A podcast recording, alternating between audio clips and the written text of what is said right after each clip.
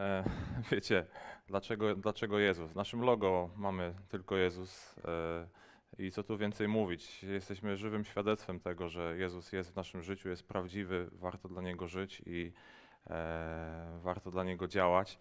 Ale dla tych z Was, którzy są niedowiarkami lub, lub nie mają takiego przekonania, nie mają e, e, informacji o Jezusie, będę starał się dzisiaj tą garść informacji przekazać.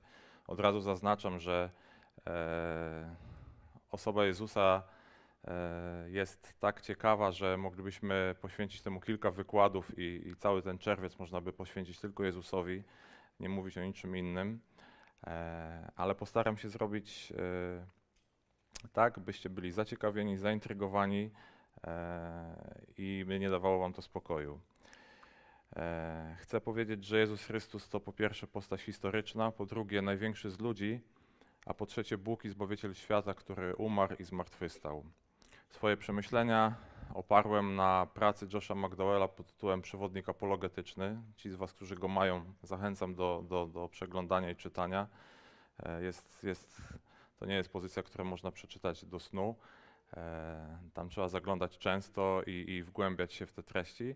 A ci z Was, którzy go nie mają, zachęcam e, do kupienia. Poproszę kolejny slajd.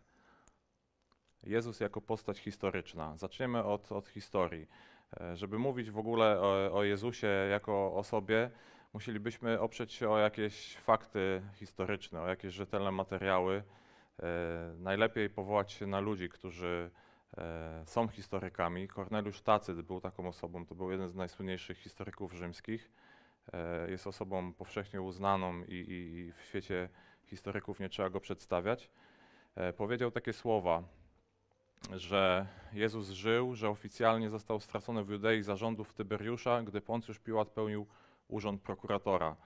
Piłat e, przebywał w Judei dosłownie przez bodajże 5-6 lat, kilka lat, e, więc jest to takie wąskie okienko czasowe, w którym e, historia umieszcza to zdarzenie i jest to potwierdzone przez wiele innych źródeł.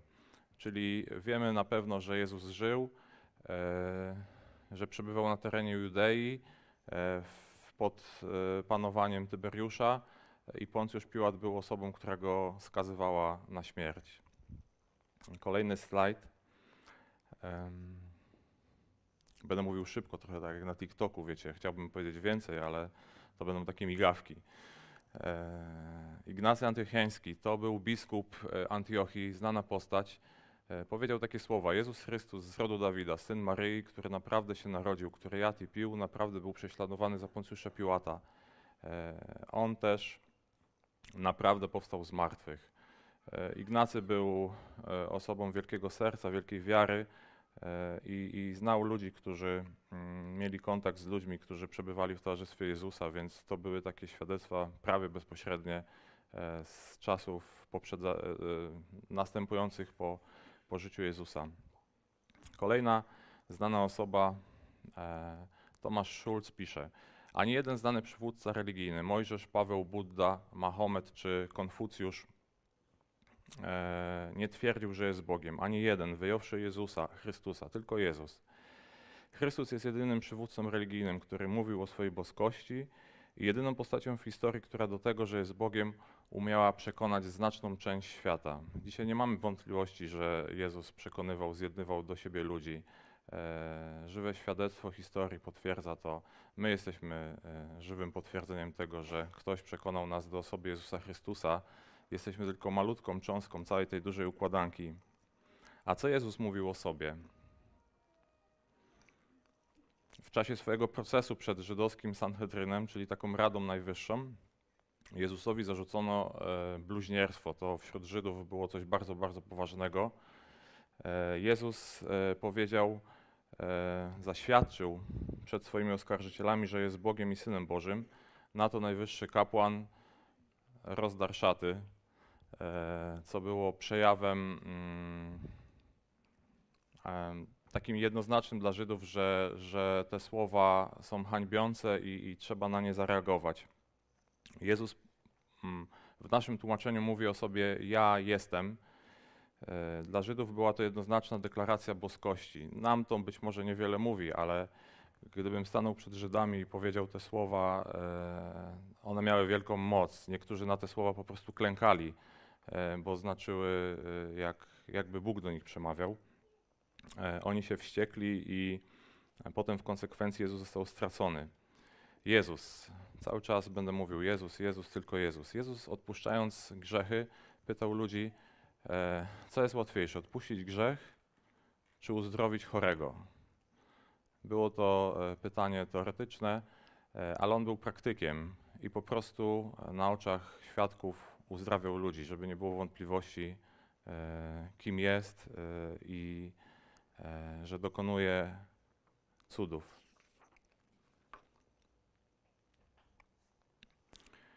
Niejaki Irwin Linton komentuje proces Jezusa w taki sposób. Wśród spraw kryminalnych to jedyna w swoim rodzaju rozprawa, której przedmiotem nie były e, czyny oskarżonego, ale jego tożsamość, to, co o sobie deklarował.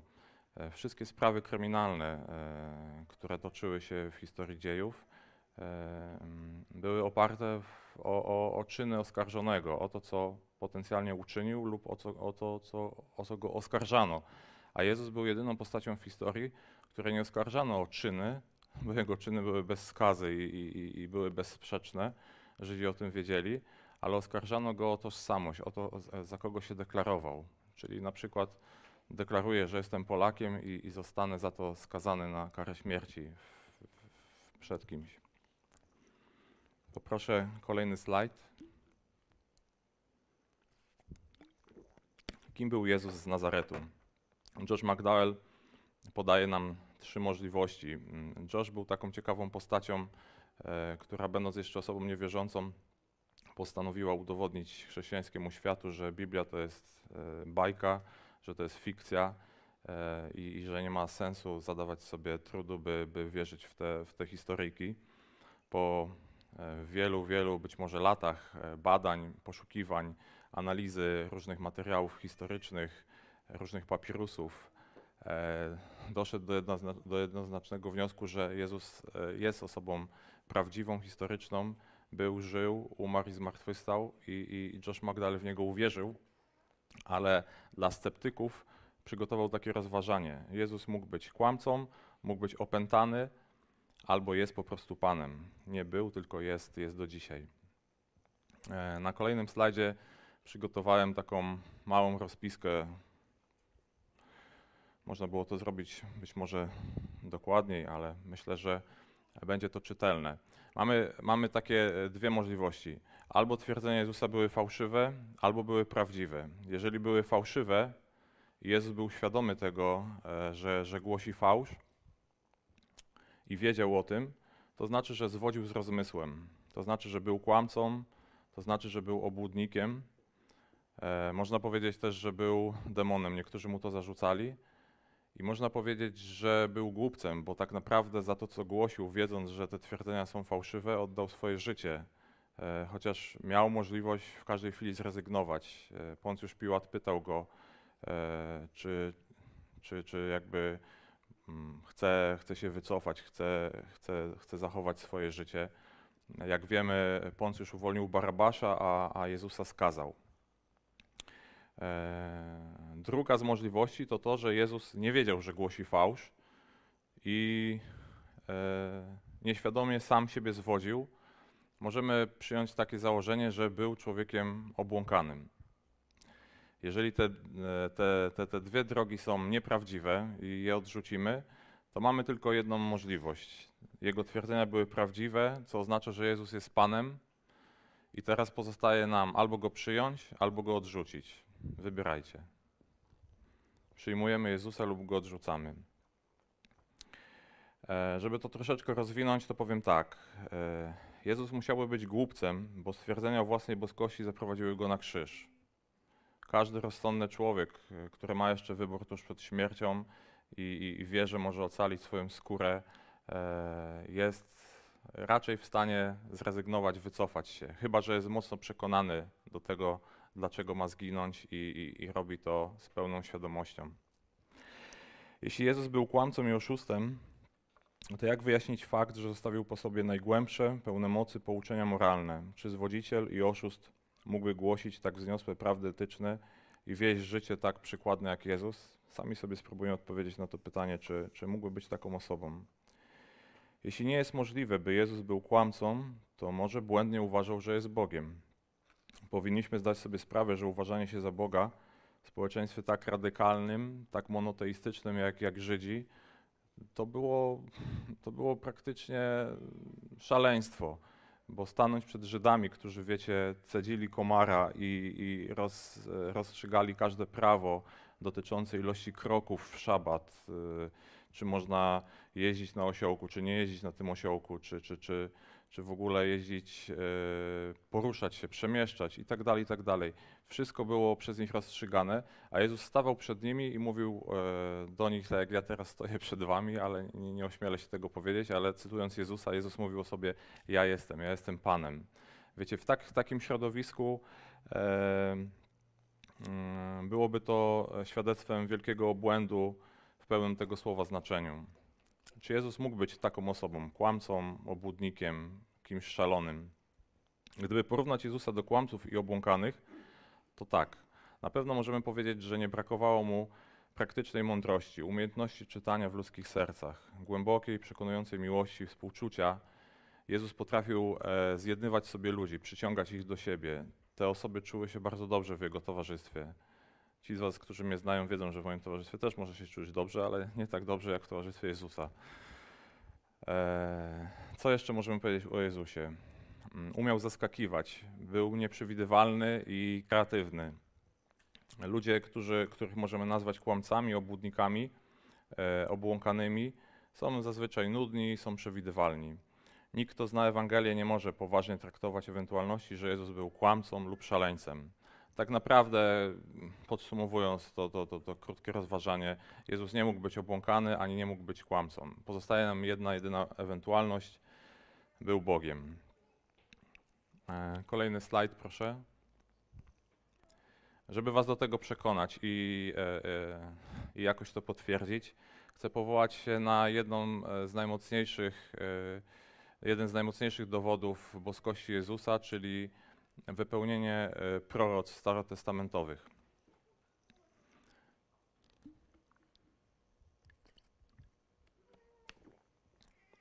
Co możemy powiedzieć o tych proroctwach i o E, o ich wypełnieniu.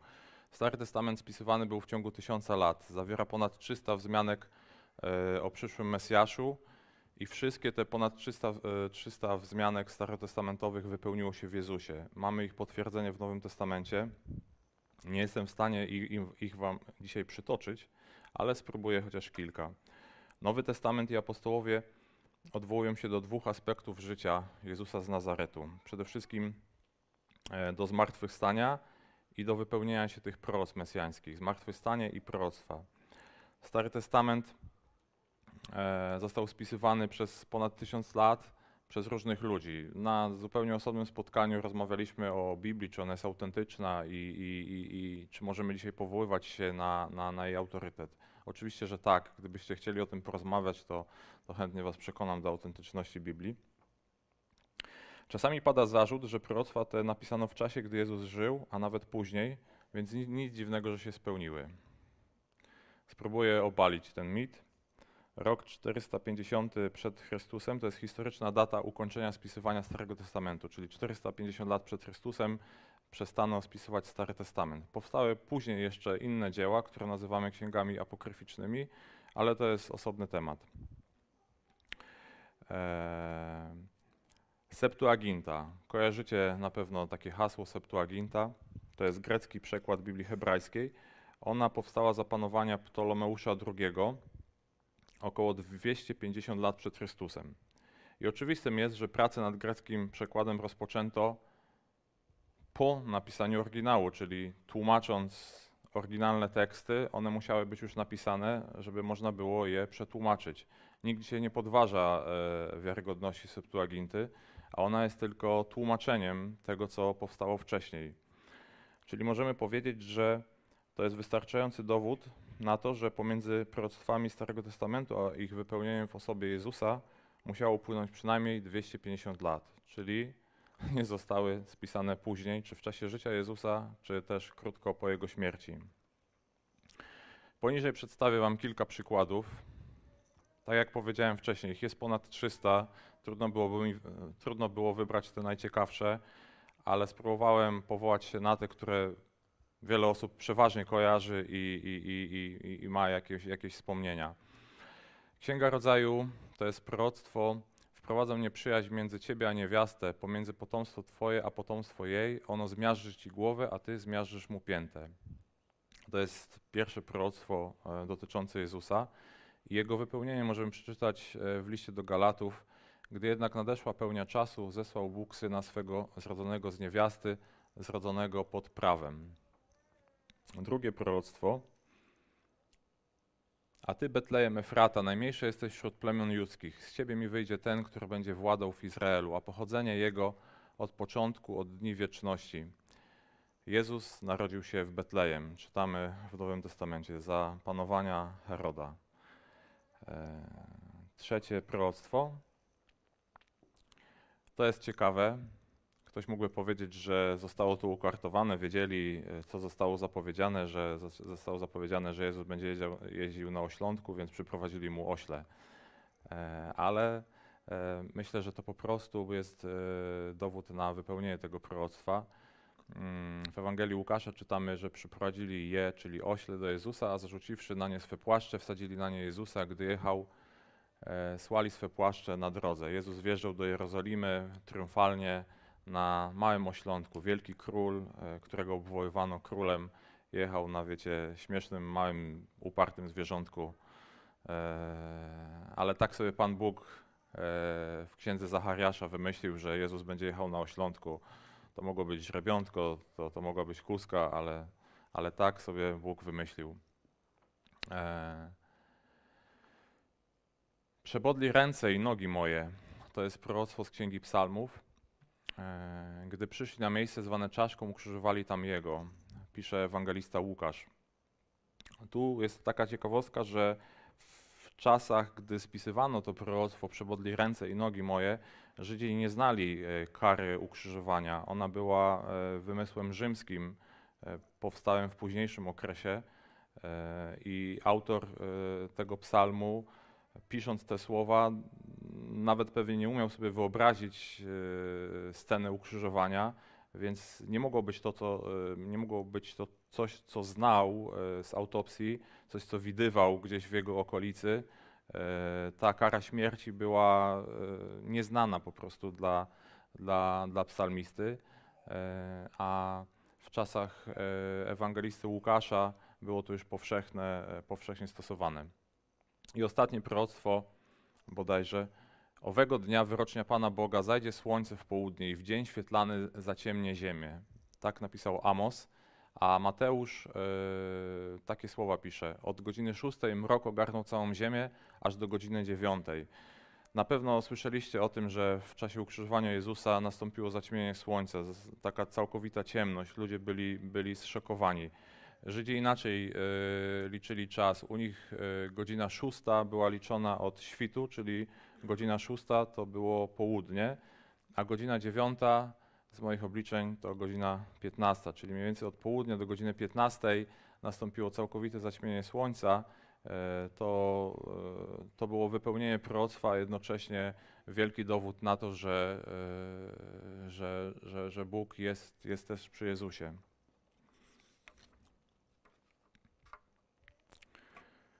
I kolejny slajd, proszę. Jeżeli komuś nie wystarczy że w Jezusie wypełniło się ponad 300 proroctw. Słuchajcie, zachęcam do tego, żeby je prześledzić i naprawdę znaleźć e, proroctwo i jego wypełnienie, przeanalizować te wydarzenia. To ten drugi aspekt e, życia e, Jezusa, czyli zmartwychwstanie. Mogła to być wielka mistyfikacja, mogła to być wielka, mówiąc po naszemu dzisiaj, ściema. Mogło być to ukartowane, a możemy przyjąć założenie, że był to fakt. E, o samym zmartwychwstaniu moglibyśmy rozmawiać, e, myślę, że godzinami i padłoby wiele ciekawych pytań. E, chcę Wam powiedzieć tylko kilka ciekawostek, żeby Was zachęcić i, i być może przekonać. Po pierwsze, Jezusa po śmierci umieszczono w takim specjalnym grobie. Grób został specjalny sposób zabezpieczony. Żydzi dołożyli wszelkich możliwych starań, żeby nie wypełniły się proroctwa dotyczące Jezusa, że zmartwychwstał. Oni zakładali, że uczniowie przyjdą po tej śmierci, wykradną ciało Jezusa i ogłoszą całemu światu, że Jezus zmartwychwstał. Kamień, który za, zatoczono, musimy sobie to wyobrazić, e, była jakaś pieczara, było wejście do tej pieczary, do tego grobu i na, na, tak, na takiej rnięce stoczył się wielki, taki w przybliżeniu okrągły kamień, który ważył powiedzmy, niech będzie, że z dwie tony i taki kamień e, można było odtoczyć pod górkę, jakby wytoczyć go z powrotem. Potrzeba było do tego co najmniej sześciu dorosłych mężczyzn, większych ode mnie. E, a niektórzy, niektórzy świadkowie tamtych zdarzeń podają, że e, ten kamień był wyjątkowo większy niż standardowo używano, więc mógł ważyć więcej i być po prostu większy, więc sześciu mężczyzn mogłoby nie wystarczyć. A ten kamień e, w momencie, gdy świadkowie przyszli do grobu kobiety, chciały namaścić Jezusa, był odrzucony jak kamyczek. Był po prostu odrzucony. On, on nie był zatoczony, tylko odrzucony. Po drugie, ten kamień był zabezpieczony specjalną rzymską pieczęcią. Złamanie tej pieczęci oznaczało e, całkowity gniew Imperium Rzymskiego i osoba czy osoby, które mm, pozwoliłyby sobie na, na złamanie tej pieczęci, musiały stanąć do walki z Rzymem, co w tamtym czasie było jednoznaczną klęską.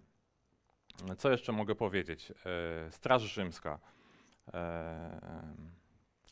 E, Piłat e, oddelegował specjalnych, specjalnych Rzymian, taki, taki, taki, taki oddział, który miał pilnować tego grobu. Oni mieli za zadanie, po pierwsze, nie pozwolić, by uczniowie wykradli, E, pilnować e, tej pieczęci, by nie została złamana e, i wypełnić po prostu swoją misję. Co możemy powiedzieć? Możemy powiedzieć, że oni uciekli jak małe dziewczynki, byli przestraszeni i nie znaleziono ich w okolicy tego grobu, kiedy, kiedy przysz, przyszli świadkowie mm, zmartwychwstania Jezusa.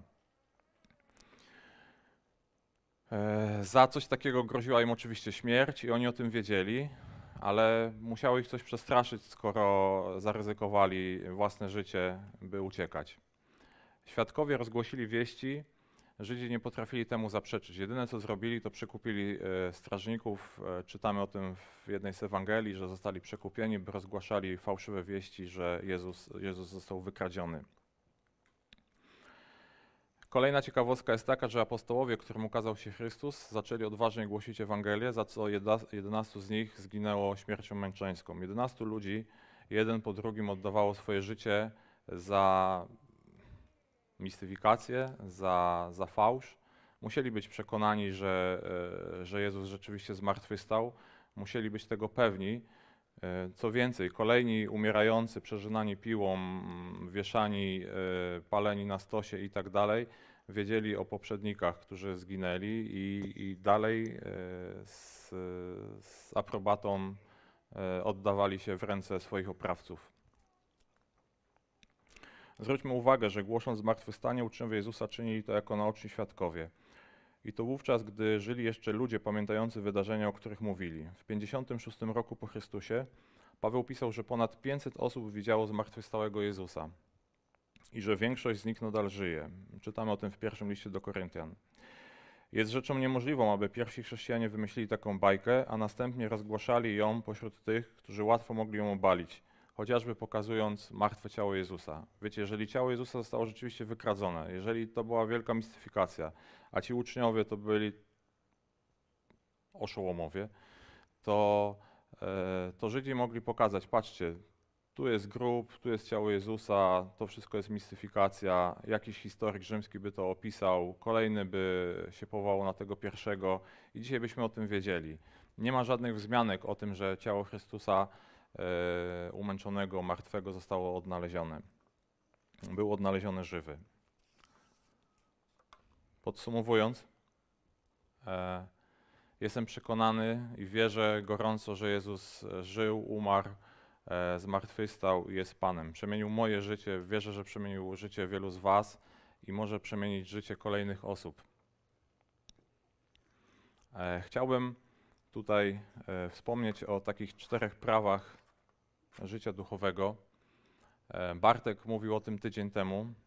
Zostałem poproszony, by, by przedstawić to swoimi słowami. Wielu z Was zna te, te, te, te prawa, ale dla tych z Was, którzy o tym nie słyszeli lub, lub pierwszy raz się z tym spotykają, pokrótce, Bóg Cię bardzo kocha. Kocha Cię bezwarunkową miłością. W zasadzie E, nie zasłużyłeś, nie zasłużyłaś na tą miłość, e, e, ona po prostu jest. jest. Jest to jak miłość matki do swojego dziecka, jest to jak miłość nawet ojca do swojego dziecka, które się rodzi.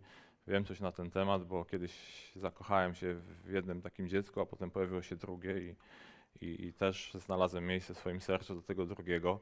I wyobrażam sobie, jakie jest pojemne serce Jezusa, e, ile ludzi się tam mieści i Biblia przekonuje nas, że On kocha każdego z nas tak samo. Nie jest tak, że jednego z Was kocha bardziej, a drugiego mniej. Ci, którzy są lepsi i czynią dobre rzeczy, to są bardziej kochani, a, a inne osoby mniej. Cokolwiek zrobisz, będzie Cię kochał tak samo, ani mniej, ani więcej.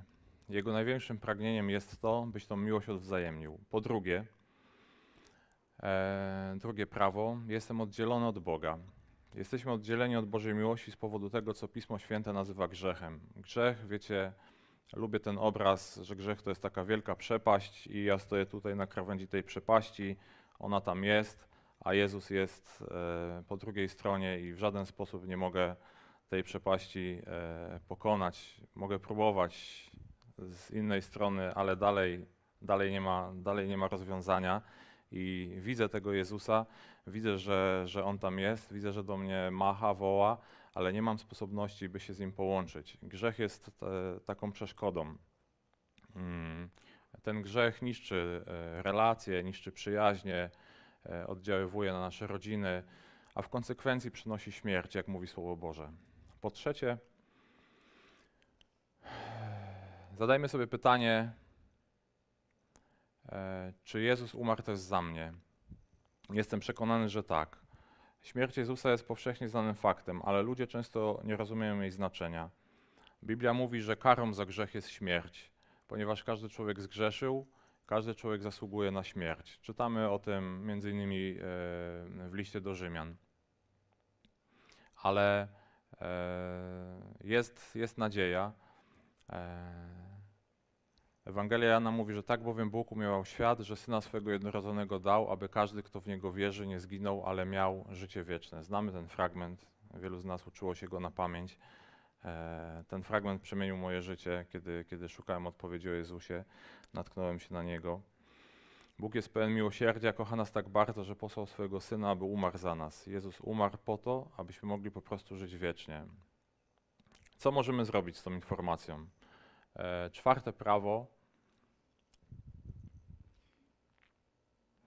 Bóg zrobił co mógł, aby pokazać Ci, jak ważny jesteś dla Niego. Dzięki Jezusowi Bóg oferuje Ci życie w pełni przez całą wieczność, do końca, do końca istnienia świata i jeszcze dłużej. E, punkt czwarty dotyczy jednak Twojej decyzji. To Ty musisz zdecydować, czy chcesz przyjąć to, co zrobił dla Ciebie Jezus. Wcześniej spróbowałem Wam powiedzieć, e, e, przekonać Was, że Jezus rzeczywiście był, żył, jest Panem i Zbawicielem. E, tak naprawdę decyzja należy do Ciebie drogi słuchaczu, drogi widzu, e, czy chcesz przyjąć Jezusa, czy chcesz pójść za Nim. Mm, zachęcam. E, myślę, że będzie taka okazja do tego, by, by się pomodlić, by przyjąć Jezusa jako Pana i Zbawiciela. Wystarczy zrobić to prostymi słowami, powiedzieć Mu, uznać się za grzesznika, przeprosić za swoje grzechy, poprosić o nowe życie E, i uznać Jezusa za, za tego, który będzie Twoim takim sternikiem, a Ty jesteś jachtem. Wybór należy do Ciebie. Dziękuję Wam bardzo.